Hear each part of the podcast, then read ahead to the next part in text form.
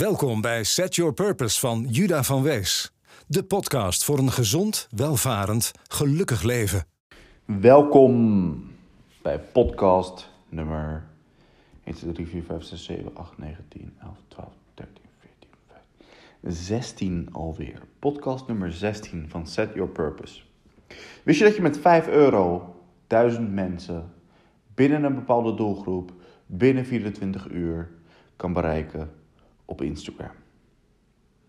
Sommigen van jullie zullen weten dat ik werk in marketing. Ik werk met een hele hoop partners van het bedrijf waar ik werk, die onze spulletjes en oplossingen verkopen in de Benelux en de Nordics-regio. De Nordics, dat is Scandinavië en de Baltische staten bij elkaar. Wat ik doe is, ik probeer die partners aan de ene kant natuurlijk te overtuigen van de superioriteit van onze oplossingen en van onze marketingcapaciteiten. Maar misschien nog wel meer probeer ik ze op de hoogte te brengen van wat er tegenwoordig mogelijk is. Met dingen als simpelweg websites, social media, maar ook zeker mindset in marketing. En ik dacht, waarom niet een keer met Set Your Purpose ook gewoon de marketingpraktijk induiken? Want daar kan ik enorm veel waarde toevoegen, heb ik het gevoel. Dus bereid je voor om binnen een kwartiertje ongeveer ineens een hoop meer te weten over marketing in het algemeen. Laten we beginnen bij wat marketing is. Er zijn tientallen definities natuurlijk, in het Nederlands al. Maar ik kies voor het gemak de volgende. Alles wat een bedrijf doet om de verkoop van hun diensten of producten te bevorderen, eigenlijk beter te maken, meer te, meer te verkopen. En alles wat een bedrijf doet, doen duidt op acties. En acties kunnen we indelen in bepaalde fases. En een modern concept om je klanten te zien is door bijvoorbeeld de Customer Journey bril. Dat woord horen we zo vaak, Customer Journey of de Buyer's Journey. En in marketing hebben we ook zoiets. Een handige bril om je eigen marketing door te zien is iets dat heet funnel. Funnel marketing dat splits marketing op in verschillende stadia, zeg maar. En uh, er zijn verschillende methodes met verschillende stadia en benamingen. het gaat natuurlijk niet per se om wat die naampjes dan zijn en welke methode de beste is of precies klopt. Maar om het nadenken over je marketing en om acties te kiezen die relatief het meeste effect hebben. Hè, die het meest efficiënt en effectief uh, jouw sales van je producten of diensten bevordert. Hè, wat de uh, definitie van marketing was. En effectiviteit en efficiëntie moeten we natuurlijk meten. Dat is een heel belangrijk onderdeel van marketing. Meten is weten. Je hoort bijvoorbeeld wel eens mensen zeggen, bijvoorbeeld Twitter is dood. Maar daar kan je niks mee, want dat weet je helemaal niet. Je weet nooit of het klopt, totdat je een experiment of misschien wel twee experimenten gedaan hebt met Twitter om meer business te genereren. En een voorbeeld van zo'n experiment zou zijn om twee weken lang namens jouw bedrijf te twitteren over digitale transformatie van tegenwoordig. En eens te kijken of je met een gespecificeerd aantal hashtags met klanten in gesprek komt die, komt die je dan kan kwalificeren als lead. Nou, dit klinkt waarschijnlijk voor een hoop van jullie die nu luisteren al iets te inhoudelijk, dus ik ga terug naar die funnelbril. De manier waarop wij naar marketing kijken. Om het daar natuurlijk beter te maken. De funnelbril die ik gebruik om naar mijn eigen marketing te kijken, die heeft zes stappen. Of zes stadia waarin ik acties bedenk die acties uitvoer en uiteraard ook die acties uh, beoordeel, evalueer, kijken of het gewerkt heeft. En het concept is eigenlijk heel simpel. Een hele duidelijke voorwaarde van iets kopen is kennen. Als een klant mij niet kent, kan hij mij ook niet kopen. Als je iets niet kent, dan overweeg je het niet eens. Dan kan je dus gewoon niet kopen. Dus de eerste stap van marketing in een funnel is awareness of bewustzijn. Die klant moet bewust zijn, of die mogelijke klant moet zich bewust zijn van mijn bestaan, wie ik ben, wat ik doe. Voordat hij überhaupt uh, een koopbeslissing kan overwegen. Dus stap 1, awareness. Stap 2, activation. Het activeren van de mogelijke klant. Wat betekent dat je jouw waarde aan die klant laat zien. Waarom zou hij of zij jouw dienst of product moeten afnemen? De volgorde van de stadia of al die stappen is trouwens niet heel relevant, maar zo kan je tussen wisselen. Ik kan ook zeggen dat stap 3, die ik nu ga noemen, eerder komt. Stap 3 is acquisition, in het Nederlands acquisitie. Het moment dat jouw mogelijke klant een klant wordt. Het moment dat hij dus gaat betalen. En dat brengt me gelijk naar stap 4. Revenues, oftewel omzet. Ook hier kan marketing een rol spelen. Het klinkt natuurlijk als een hele grote salesrol, hè, omzet. Maar door in te spelen op zaken als terugkerende omzet, door abonnementsvormen te introduceren en daardoor ook de investering te verlagen, maar toch meer te verdienen. Of door acties te organiseren die klanten behouden die eigenlijk van plan waren weg te gaan. In het Engels noem je dat churn. Eh, wat ons gelijk weer bij de volgende stap brengt. Vijf. Stap 5 is retention of retentie. Het vasthouden van bestaande klanten. Dat kost doorgaans zeven keer, ik zeg het nog een keer heel duidelijk, zeven keer minder dan nieuwe klanten vinden en acquireren. En de laatste stap, stap 6 in het Engels, is referrals, oftewel verwijzingen. Met welke acties kunnen we ervoor zorgen dat onze bestaande klanten zorgen voor nieuwe klanten? Dat zij hun vrienden en familie vertellen hoe ongelooflijk fantastisch onze oplossingen zijn. En dit alles bij elkaar noemen we ook wel de Pirate Funnel. Want achter elkaar worden de eerste letters van awareness, acquisition, activation, revenue, retention en referrals, namelijk AR. En dat is wat piraten doen.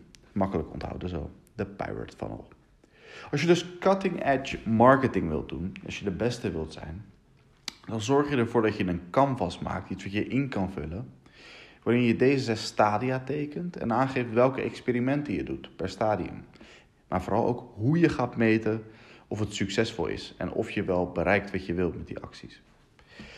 Maar nu gaan we voorbij aan het meest belangrijke concept in marketing. We gaan iets te snel.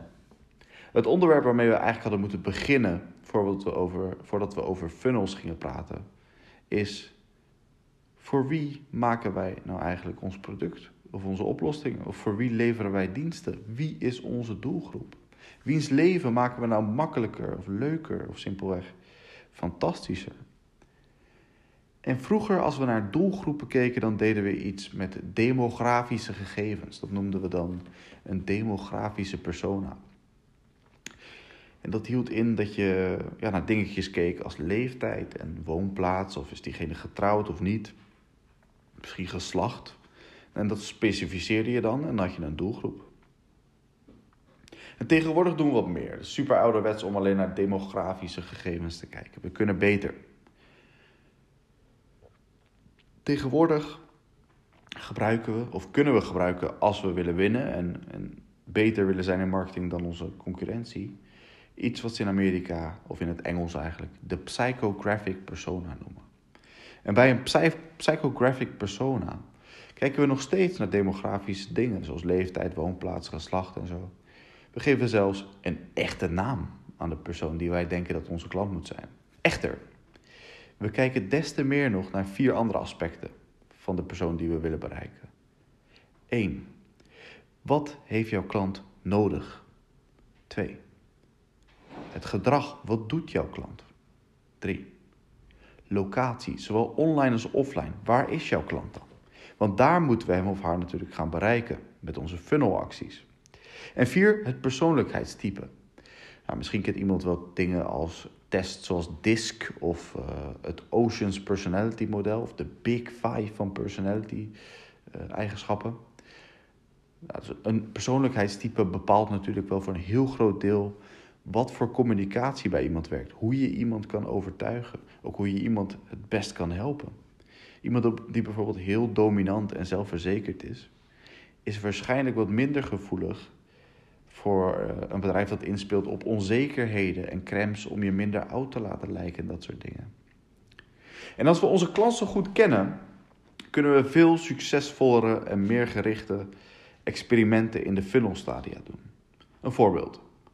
Als ik een psychographic persona heb gemaakt en ik kom erachter dat mijn doelgroep op 9gag zit, vijf keer per week, een uur lang, waarom probeer ik dan niet eens voor awareness een advertentie specifiek op 9gag? 9gag, voor de mensen die het niet kennen, is een app met allemaal grappige uh, fotootjes. En omdat mijn persona sociaal en extravert is, hè, dat heb ik namelijk onderzocht, gebruik ik taal die daarbij past. En omdat ik weet dat hij meer geld wil verdienen, speel ik daar weer op in door te laten zien hoe mijn product of dienst daaraan bij kan dragen.